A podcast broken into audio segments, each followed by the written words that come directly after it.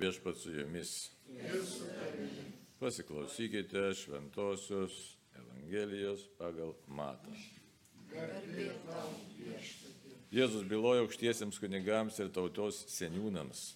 Kaip jūs manote, vienas žmogus turėjo du sūnus. Kartais kreipėsi pirmąjį sakydamas, vaikė, eik ir padirbėk šiandien vinogynę. Šis atsakė, nenoriu. Bet vėliau apsigalvojo ir nuėjo dirbti. Paskui tėvas kreipėsi į antrąjį sūnų tais pačiais žodžiais. Šis jam atsakė, einu viešpatie, bet nenuėjo. Katras iš jų įvykdė tėvo valią. Jie atsakė, pirmasis. Tuomet Jėzus tarė jiems, iš tiesų sakau jums, muitininkai ir ištvirkėlės greičiau už jūs pateks į Dievo karalystę. Nes Jonas atėjo pas jūs teisybės keliu, bet jūs netikėjote juo, o muitininkai ir ištvirkėlės tikėjo. Betgi jūs, nors tai matėte, nei vėliau neapsigalvojote ir netikėjote juo. Girdėjote viešpaties žodį. Evangelijos žodžiai ten naikina mūsų klaidas. Dabar taip. Šventas raštas kalba ką mums šiandien. Ne? Žiūrėkit, kokia mintis. Man tai visai nepatinka. Ne? Nuolankiai kitus vertinkite aukščiau už save. Nu kaip jums tokia nuostata? Kam patinka, pakelkite ranką. Ne vienos rankos nėra. Ramutė nepatinka? Savai ne viskas. Ir žiūrėkite kiekvienas ne savo naudos, bet kitų. Visai nesąmonė, ne? Mes linkę tokias šventos, švento rašto vietas taip va. Ai. Kaip nors kitą kartą, ne man čia, nepajėgiu. Ai ir taip, žinai. Nu, apsimest. Vidus apsimeta, kad reiškia čia, čia kažkas tai tokio. Nu, nepatinka, tai nepatinka. Nu tikrai, kam patiko šitas, šitas sakinys? Nekam. Svaiduot. Nekam. Na. Apie ką kalba toliau? Iš tikrųjų, čia nieko baisaus. Taip yra, mes turim pažinti savo prigimtį, aiškiai, kas mūsų veikia, ne, pagal dvasinės kovos dėsnis. Kūnas veikia, pasaulio dvasia veikia ir piktoji dvasia veikia. Tai dabar kas gaunat? Važiuokite Evangelijos kalbėjimas. Du sūnus, ne, vienas toks natūralus, jisai sako. Eik į vynogyną, dabar reikia paaiškinti, kas yra vynogynas. Ne? Kas yra vynogynas? Kam teko matyti vynogyną, kam neteko, bet kaip ir pas mus žemės ūkija, vynogynas yra labai imlus darbo, reiškia, iš tikrųjų labai imlus, nes ten, nu, priklauso nuo vynogių rūšies, bet jeigu dabar šiais laikais, tai ten ištemtos vėlos, tos vynogės, tai reiškia, auga, bet kiekvieną šakelę reikia nukirpti, paskui kiekvieną ten tą iš, iš, išravėti reikia žolės, kad nebūtų jos, kad ne, ne, nesirptų drėgmės į žemę, žodžiu, eina ir eina žmonės aplinktas vynogės. Tai va, tai imlus dabar vynogynas čia ir tiesioginė, ir netiesioginė prasme, reiškia, galim jį priimti kaip imlus tokio darbo reikalaujantis na, įdė, įdėjimo darbas, kuris neš kažkokį tai vaisių, kokį vaisių neš vynogės, neš vynogės ir valgymui, vynogės vyno gamybai. Ir vyno, tas vynas džiugina, kaip sako šventas raštas, jeigu jis saikingai vartojamas, kas gali, neaišku čia, kas gali, sako šventas raštas, kas sako gražiai, kas gali, valgyti valgo, kas gali išgerti, išgeria, ne visi gali. Bet iš esmės, Škia, tas vynogynas toks imlus ir jis atneša paskui džiaugsmo, ne? Bet dabar reikia ten įdėti tam tikrą darbą. Tai čia kaip ir Dievo karalystės tokį įstojame darbą, pakviečia tą sūnų, eik ir pasidarbok vynogynę, kad atneštum kažkokį tai na, rimtai pasidarbok, kad atneštum taip pat ir rimtą vaisių. Ir ką jisai sako, labai natūraliai. Nenoriu, sako. Visai aš nenoriu dirbti. Dabar kas iš mūsų, sakysim, rytoj darbo diena, tai baisiai trokšta eiti į darbą, pakelkite ranką. Du žmonės. Mala šaunuolė, nors nemeluoja, tai tie du, aš neaišku, kai ten dirbs, ar, ar gulės atsigulė, klausimą. Suprantate. Tai va. Jis taip natūraliai sako, visiškai nenoriu eiti aš ten, nes aš noriu užsimti kažkuo tai malonumo jaustą, ne? Bet pagalvoja, pasakai, kas vyksta? Kas vyksta? Vyksta kova širdį. Vyksta kova viduje, supratimas. Dėl ko aš gyvenu ir dabar, jeigu žiūrėti tą vynuginį, supranta, kad reikia eiti ir padaryti darbą, reikia padaryti tai, kas privaloma padaryti, kas atneš vaisių. Ne? Kitas žmogus, kitas sunus tas sako, gerai, sako, eisiu, ką jisai daro? Jis meluoja, jis pataikauja, jis veidmainiauja, bet neina. Įsivaizduojate, su kuo mes susidurėm su, susidurėm su darybėm ir nedarybėm. Ir vienas gyvenimo tokia laikysena viena ir kito gyvenimo laikysena duoda savo vaisių. Bet koks tas vaisius? Visokiojopas vaisius. Vaisius dėl to vynogyno, ne rezultato, kažkokiu tai vaisių, bet vaisius taip pat ateina ir santykiai, nes esmė yra kalba apie santykių dabar. Tai jeigu tas vynogynas yra pasaulio ta dirba, Evangelijos skelbimo dirba, ir mes sakome, nenoriu kovoti su savimi, Nenoriu kovoti su savimi ir pasiduodu tai tiekmi. Aš iš tikrųjų elgiuosi kaip veidmainis, kaip elgiuosi kaip toks prisitaikėlis.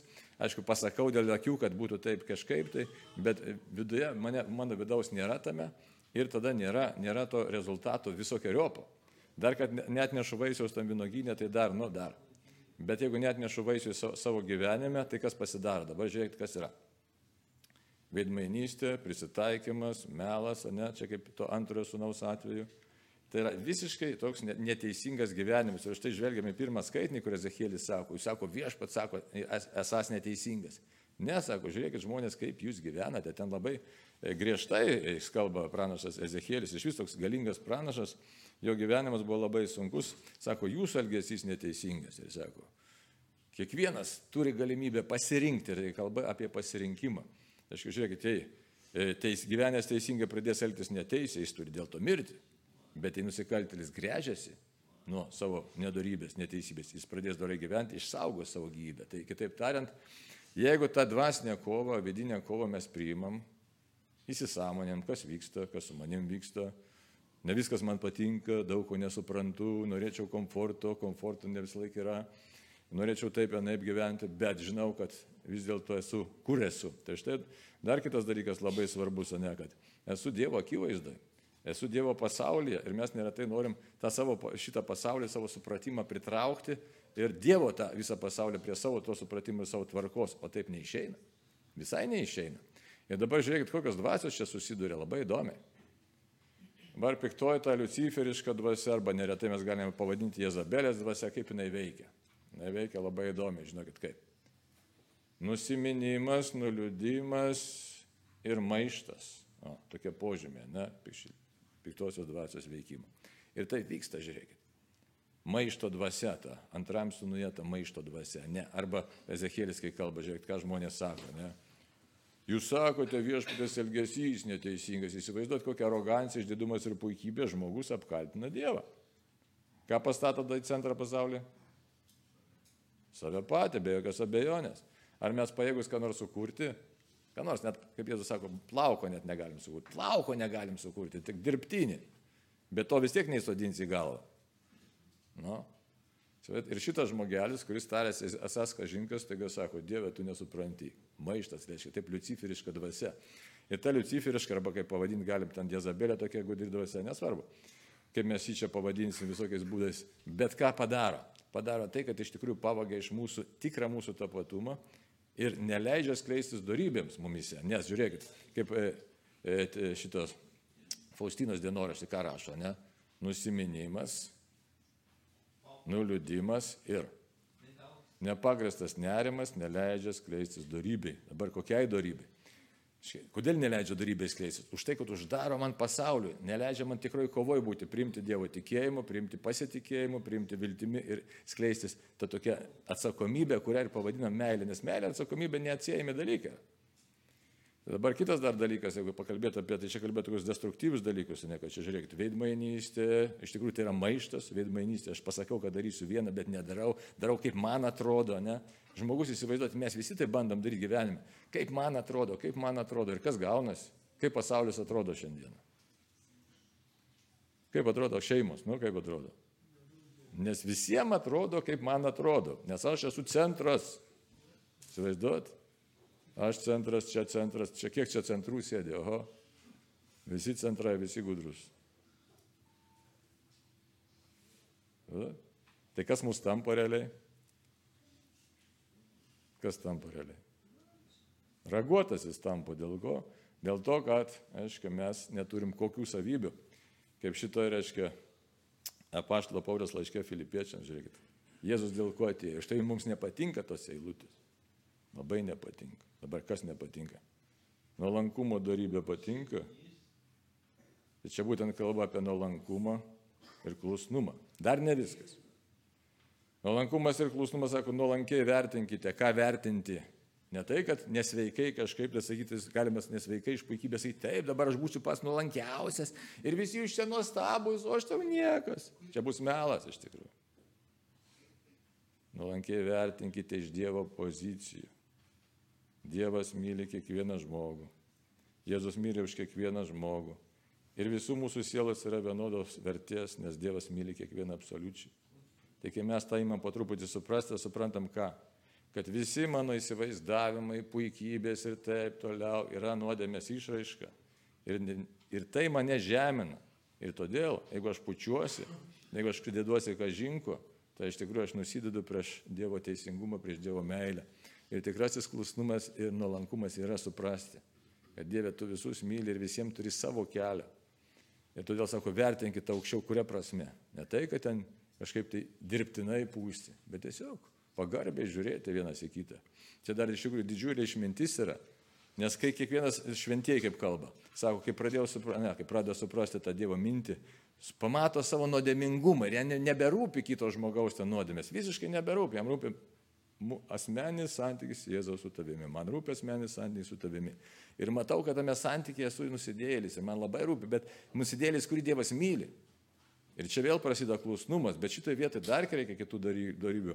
Apaštalas Paulius antram laiškė tesalonikiečiams, antras skyrius, antra eilutė, sako, žiūrėkit, savo, kentiek su manimi, kaip geras Jėzaus Kristaus karys.